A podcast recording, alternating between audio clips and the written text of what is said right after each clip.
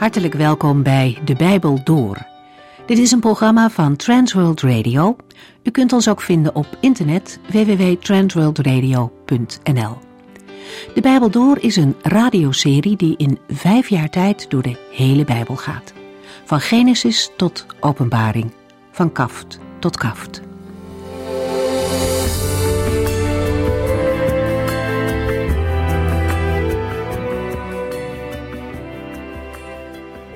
We zijn bezig in het boek Jona. Tijdens die zware storm is Jona op zijn eigen verzoek in zee gegooid. En zijn einde leek dichtbij. Maar de Heere God is Jona niet vergeten, ook al ging hij zijn eigen gang buiten God om. De bemanning van het schip werd gered en ook Jona zelf kwam niet om in de zee. We hebben in Jona 1 gezien dat God machtig is om alle dingen mee te laten werken ten goede. In dit geval dat de heidense zeemannen hoorden van de enige ware God. Dat konden ze op hun reizen meenemen. Voor Jona zelf loopt het ook goed af. God laat hem niet los. Maar dat wil niet zeggen dat het allemaal gemakkelijk en als vanzelf gaat. God heeft Jona niet op wonderbaarlijke wijze uit de zee omhoog getrokken en in Nineveh geplaatst. De profeet krijgt volop te maken met de gevolgen van zijn keuze om de zee op te gaan. Maar God redt Jona door een vis te sturen die hem inslikt. Wij kunnen ons niet goed voorstellen hoe vies en benauwd dat voor de profeet moet geweest zijn. Hij had helemaal niets meer. Het leek erop dat zijn leven voorbij was. En juist op dat moment richt hij zich weer tot God. Alles kan een mens ontvallen, maar God zal er zijn.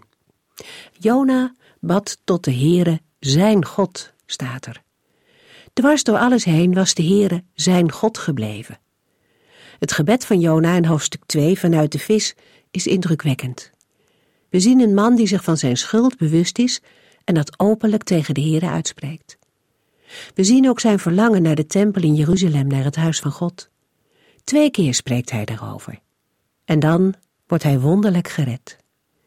Het gebed van Jona eindigt met een juichkreet, omdat de Heere gehoord en gehandeld heeft. We gaan verder in Jona 2 vanaf vers 7.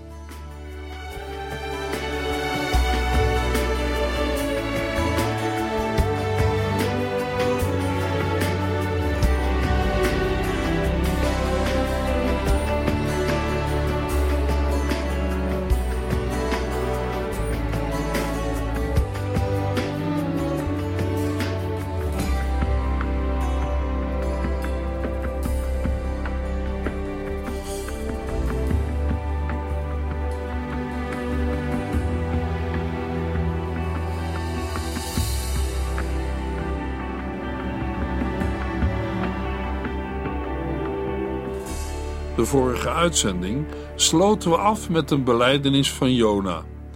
In Jona 2 vers 6b horen we hem zeggen: Ik was voor altijd van het leven afgesloten en zat als een gevangene in het land van de dood. Maar, Heere, mijn God, u hebt mij tussen de kaken van de dood weggerukt. Als Jona terugkijkt en denkt aan de ellendige situatie in de buik van de grote vis, waar hij drie dagen en drie nachten moest doorbrengen, dan vergelijkt hij het met een gevangenis waar hij zelf nooit meer uit kon komen. Jona schrijft: Ik was voor altijd van het leven afgesloten en zat als een gevangene in het land van de dood. Als de Heere niet had ingegrepen, zou dat zijn definitieve toestand zijn geweest. Maar gelukkig heeft de Heere wel ingegrepen en kan Jona nu getuigen van de grootheid van de Heere. Maar, Heere mijn God, u hebt mij tussen de kaken van de dood weggerukt. David zegt in Psalm 6, vers 6 over de dood: Want doden kunnen u geen eer bewijzen, en in het dodenrijk kan niemand u loven. Maar nu de Heer het leven van Jona heeft gered en hem tussen de kaken van de dood heeft weggerukt, zien de dingen er voor Jona weer heel anders uit. In Prediker 8, vers 8 lezen we: Geen mens, niemand kan zijn geest ervan weerhouden hem te verlaten. Geen enkel mens heeft de mogelijkheid zijn sterfdag te verzetten. want aan die duistere strijd ontkomt niemand. Het zal duidelijk zijn dat de goddeloosheid van een mens hem bij die gelegenheid niet te hulp komt. Maar als de Heere ingrijpt, zoals bij de profeet Jona, dan komt de Heere zijn gevluchte, benauwde en in doodsangst verkerende profeet te hulp en redt hem, rukt hem weg uit de kaken van de dood. Dat is hetzelfde als het ontvangen van een nieuw leven. In het licht van het Nieuwe Testament is dat hetzelfde als wat we lezen in 2 Korintiërs 5 vers 17 en 18a. Als u christen wordt, wordt u van binnen helemaal nieuw. U bent als het ware opnieuw door God geschapen. Er is een heel nieuw leven begonnen. Al dit nieuwe komt van God, die ons door Jezus Christus bij zichzelf heeft teruggebracht. Het getuigenis van Jona laat zien dat de Heere Jona heeft teruggevonden. Jona 3 laat straks zien dat Jona toch de opdracht van de Heere moet gaan uitvoeren en dat ook gaat doen. In de volgende versen, de versen 7 tot en met 9, vat Jona alles wat hij heeft meegemaakt op zee, zijn gemoedstoestand en zijn roepen tot de Heere nog een keer samen. Jona 2 vers 7 Toen ik alle hoop had laten varen, dacht ik nog eenmaal aan de Heere. En mijn oprechte gebed ging uit naar u in uw heilige tempel. In zijn angst en bange nood heeft Jona tot God geroepen en de Heere heeft hem verhoord. Dat is niet vanzelfsprekend, zeker niet als we bedenken dat het om Jona gaat die op de vlucht was naar Tarsus. Nota bene, zoals hij zelf zegt in Jona 4 vers 2, omdat hij wist dat de Heere een genadig en barmhartig God is. U wordt niet snel boos en bent erg vriendelijk. Ik wist hoe gemakkelijk u ertoe zou kunnen besluiten af te zien van het plan deze mensen te vernietigen. Maar toen Jona zelf in doodsangst verkeerde en bad: Och, heren, u hebt mij de rug toegekeerd en mij weggejaagd. Zal ik uw heilige tempel ooit nog terugzien? Toen heeft de Heer hem tussen de kaken van de dood weggerukt.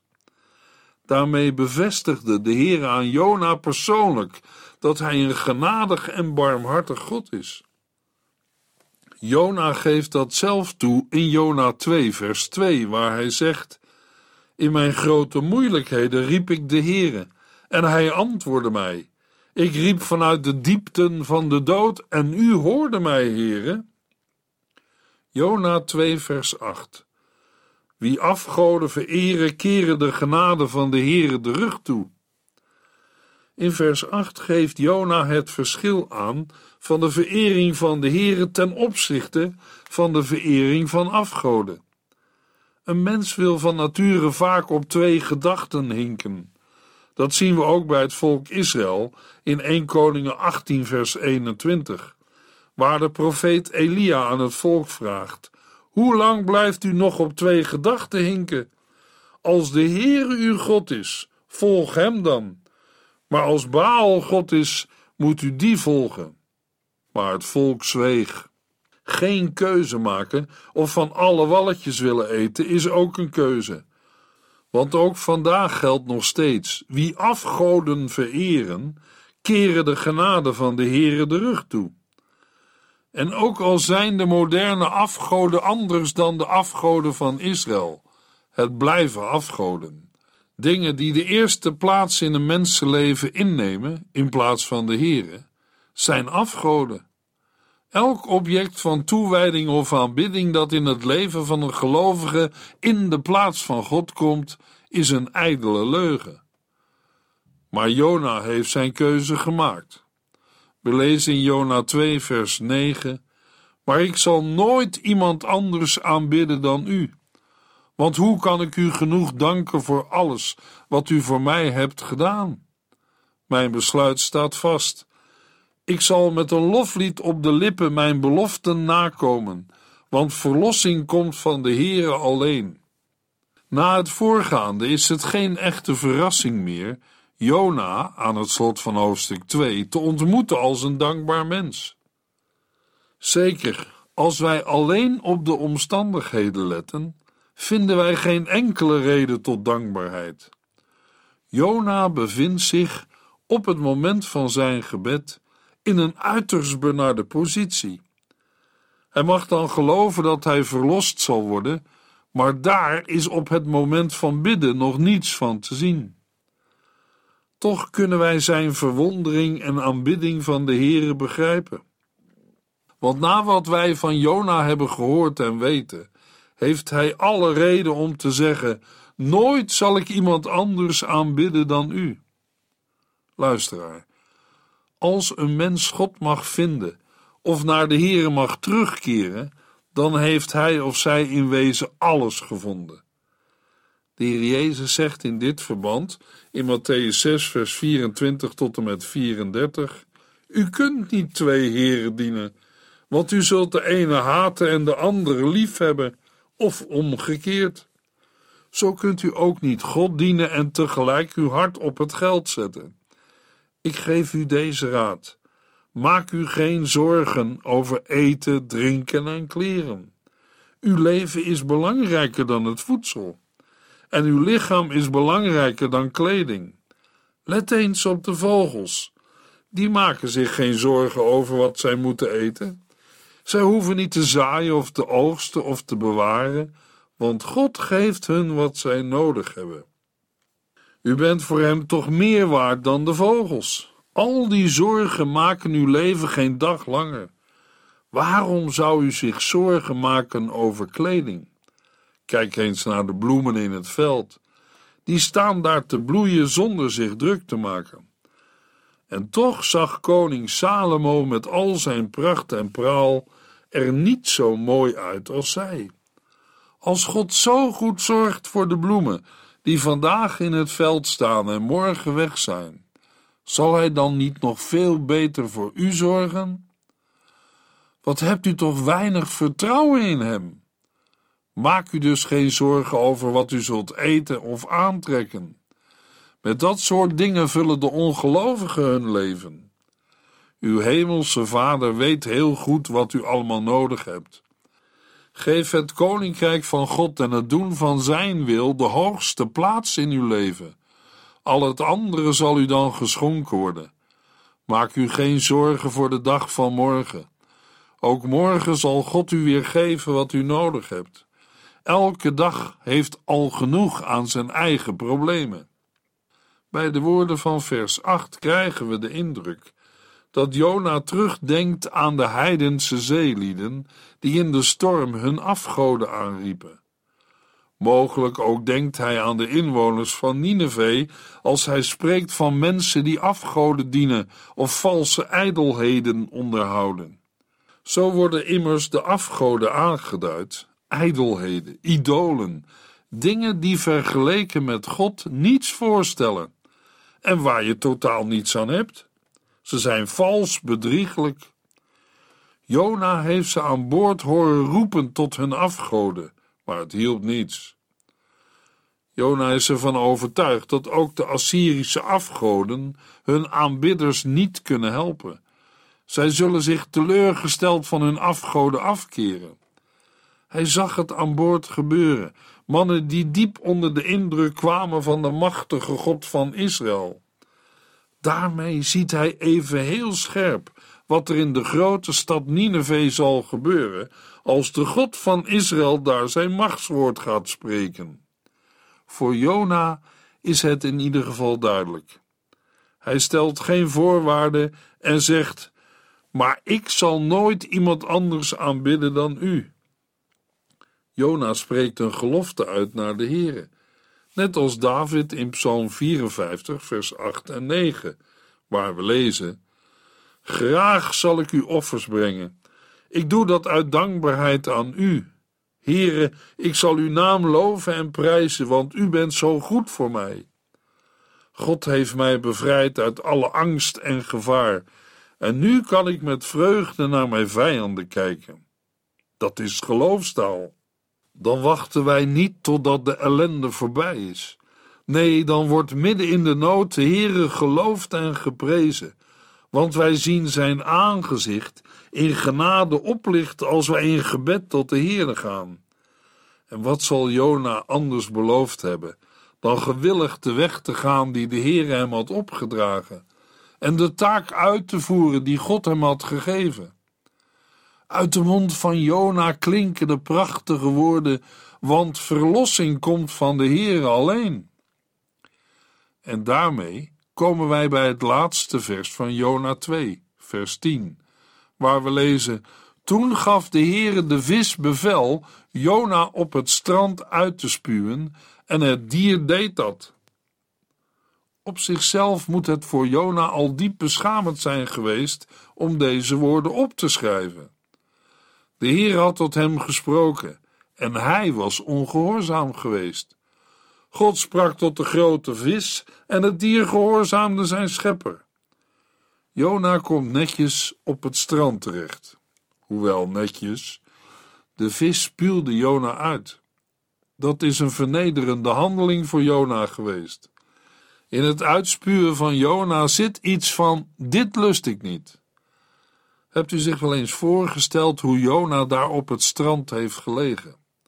Zeker, hij heeft het er levend afgebracht. Maar verder hoef je op Jona op het strand niet jaloers te zijn. Hij zal ook niet het vrolijkste gezicht hebben getrokken toen de vis hem uitspuwde op het strand. Menselijk gesproken ligt er op het strand een berooid mens. Alles is Jona kwijt, zijn geld en zijn bagage. Hij is een vernederd mens. En daarbij, hij ziet er niet erg fris uit.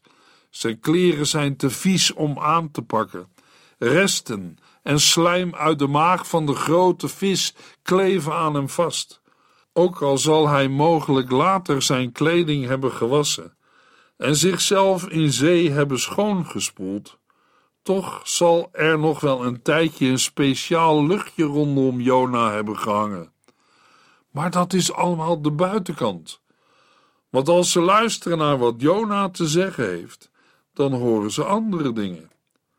Dan spreekt hij van Gods redding en bewaring, van Gods genade en barmhartigheid. Eigenlijk is het een beeld van onze mensen. We lezen het in Zacharia 3, waar het gaat over de hoge priester Jozua, die voor de engel van de Heere staat. Ook wij staan met vuile kleren voor de Heer Jezus. Op grond van zijn verzoeningswerk aan het kruis geeft de heiland het bevel: trek hem zijn vuile kleren uit. Dan horen wij zijn genade worden. Ik heb uw zonde van u weggenomen en geef u nu deze feestkleren. Daarna zal de Heere zeggen: Als u leeft zoals ik wil en doet wat ik u opdraag, zal ik u de verantwoordelijkheid geven voor mijn huis, en ik zal u toegang geven tot mijn heiligdom, evenals tot deze kring van engelen. In Zacharia 3 vers 2b lezen we dat de mens die zo wordt gered te vergelijken is met een stuk brandend hout dat uit het vuur is gerukt. Wat een liefde en genade van de Heere voor verloren mensen, niet alleen toen, maar ook vandaag. Dan worden wij mensen klein en zingen van de Heere, hoe groot zijt gij? Jona is nu een heel ander mens geworden. Hij heeft gezegd dat hij zijn belofte voor God gedaan zal nakomen. Eén ervan is dat hij naar Nineveh zal gaan. En dat gaat Jona nu doen. Natuurlijk niet zonder dat de Heer hem daartoe een duidelijke opdracht had gegeven. Jona 3 vers 1 en 2 Daarna sprak de Heer opnieuw tot Jona en zei: Maak u klaar om naar die grote stad Nineveh te gaan en de inwoners te waarschuwen voor hun ondergang, zoals ik u al eerder heb gezegd. Jona 3, dat nu onze aandacht vraagt, kunnen we zien als het centrale deel van het Bijbelboek Jona. Als Jona de poort van Nineveh binnenstapt, zijn mond opent en de boodschap van de Heere laat horen, gebeurt wat vanaf het eerste vers van Jona 1 de bedoeling van de Heer is geweest. Jona met Gods boodschap in de straten en pleinen van de grote stad Nineveh. Al het voorgaande was nodig om Jona in Nineveh te brengen. Alles wat nu volgt is uitwerking en naspel. In vers 3 zullen we straks lezen dat Jona op weg ging naar Nineveh. Mogelijk dat iemand verzucht: eindelijk. Wat heeft het een voeten in de aarde gehad voordat Jona eindelijk de eerste stap zette richting de Assyrische hoofdstad Nineveh? Het zal toch al een tijdje geleden zijn geweest toen de Heer Jona voor de eerste keer opdroeg naar Nineveh te gaan. Wat we in Jona 3 lezen, had in Jona 1 al moeten gebeuren. Maar Jona had dienst geweigerd en was precies de andere kant op gegaan. Erger nog, Jona vluchtte weg van het aangezicht van de Heere. Maar op zee had de Heere Jona als het ware in zijn kraag gegrepen en door middel van een grote vis teruggebracht naar de kust die hij had verlaten. In de buik van de grote vis was het verzet van Jona gebroken. En in Jona 3 gaat hij gehoorzaam de weg die de Heer hem had opgedragen. Als we de eerste versen van Jona 3 lezen, dan zien we hem als het ware gaan. Eindelijk gaat Jona naar Nineveh. Aan de andere kant kunnen we zeggen dat het een wonder is dat God opnieuw de opdracht aan Jona geeft. Kan de Heer Jona nog wel gebruiken? Wil God Jona nog gebruiken? Zo'n ongehoorzame wegloper, dienstweigeraar en deserteur? Laten we nog even teruggaan naar het strand waar de vis Jona had uitgespuwd. Oké, Jona zal daarna zichzelf en zijn kleding wel hebben gewassen. En ook de doordringende geur van de vissenmaag zal langzamerhand wel zijn verdwenen. De afstand van het strand waar Jona werd uitgespuwd naar Nineveh zal ongeveer duizend kilometer zijn geweest. Die afstand zal Jona grotendeels te voet hebben afgelegd, berooid als hij was na zijn mislukte zeereis. Is dat de boodschapper van de Heere? Het stelt menselijk gesproken allemaal niet zoveel voor. Ja, dat is wat mensen waarnemen en zien, maar bij de Heer is dat anders. We lezen in 1 Samuel 16, vers 7, waar de Heere tegen de profeet Samuel zegt, als hij een van de zonen van Isaï tot koning moet salven, beoordeel een man niet op zijn uiterlijk of zijn lengte, want dit is niet de man die ik bedoel. Ik beslis op andere gronden dan u. De mensen beoordelen iemand naar zijn uiterlijk, maar ik kijk naar zijn gedachten en hoe hij innerlijk is. De hele geschiedenis van de zalving van David tot koning over Israël maakt duidelijk dat het niet de keuze van de profeet Samuel wordt, maar van de Heere. En Gods keuze is altijd verrassend en onverwacht. Heel wat mensen hebben dat al moeten of mogen ervaren. Soortgelijke woorden lezen we in 1 Corinthiërs 1 vers 19 tot en met 28. Want er staat in de boeken ik zal de wijsheid van de wijze mensen en het inzicht van de verstandigen vernietigen. Waar blijven dan de grote denkers, de godsdienstige leiders en de beroemde redenaars van deze tijd? Heeft God niet alle wijsheid van deze wereld als dwaasheid aan de kaak gesteld? In zijn grote wijsheid wist God dat de wereld hem door haar eigen wijsheid niet kan vinden en besloot hij die mensen te redden die de onzinnige boodschap geloven dat Christus voor hen aan het kruis is gestorven. Al vragen Joden wonderen als bewijs en zoeken Grieken naar wijsheid. Wij vertellen over Christus, die voor ons aan het kruis is gestorven. De Joden ergeren zich eraan en de andere volken vinden het een grote dwaasheid.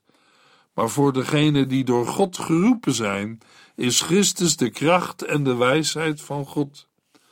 Want het dwaze van God is wijzer dan de mensen kunnen bedenken, en het zwakke van God heeft meer kracht dan de mensen. Kijk maar eens naar uzelf, vrienden. Naar de mens gesproken zijn er onder u niet vele grote denkers. Niet veel invloedrijke en vooraanstaande personen.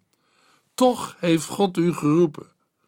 God heeft juist wat voor de wereld dwaas is, uitgekozen om hen die zichzelf zo wijs vinden, terecht te wijzen. Hij heeft de zwakken van de wereld uitgekozen om de sterken te beschamen. God heeft het onaanzienlijke en verachtelijke van de wereld uitgekozen.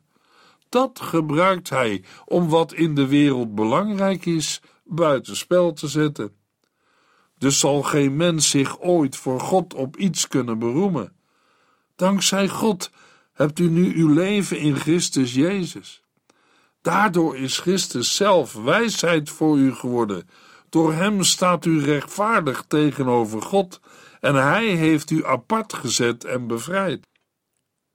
Zo staat het ook in de boeken. Als iemand zich toch op iets wil beroemen, laat hij zich dan beroemen op de Heere. Naar menselijke maatstaven is er niets bijzonders aan Jona, de gezant van de Heere, uitgespuwd door een grote vis op het strand, mogelijk omringd met een eigenaardige geur die lang niet iedereen kan thuisbrengen. Toch zegt de Heere tegen Jona: Maak u klaar om naar die grote stad Nineveh te gaan en de inwoners te waarschuwen voor hun ondergang zoals ik u al eerder heb gezegd. In de Hebreeuwse tekst lezen we dat de Heere tegen Jona zegt: En predikt haar de prediking die ik u zeggen zal. Die woorden geven aan dat de Heere Jona, als hij in Nineveh is, de precieze inhoud van zijn boodschap bekend zal maken. Maar daarover meer in de volgende uitzending. Dan lezen we verder in het derde hoofdstuk van het Bijbelboek Jona.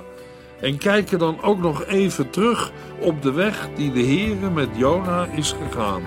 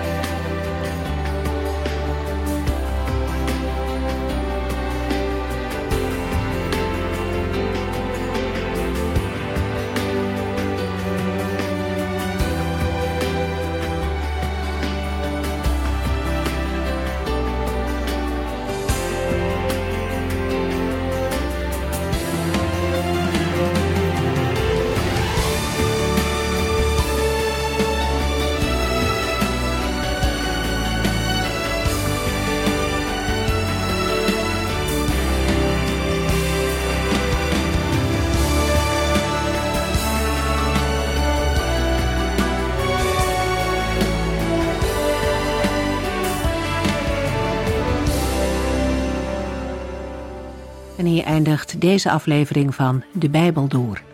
Een serie programma's van Transworld Radio. Wilt u ons iets vragen of meer weten? Dan kunt u altijd contact met ons opnemen. Bellen kan overdag met 0342 478432. Per post Transworld Radio. Postbus 371. Postcode 3770. Anton Johannes in Barneveld. En e-mailen kan ook. De Bijbel door at transworldradio.nl En natuurlijk ook via onze website transworldradio.nl Dit programma werd gepresenteerd door Cor Weda en Ike André. En namens iedereen die er nog meer aan meegewerkt heeft, graag tot de volgende keer.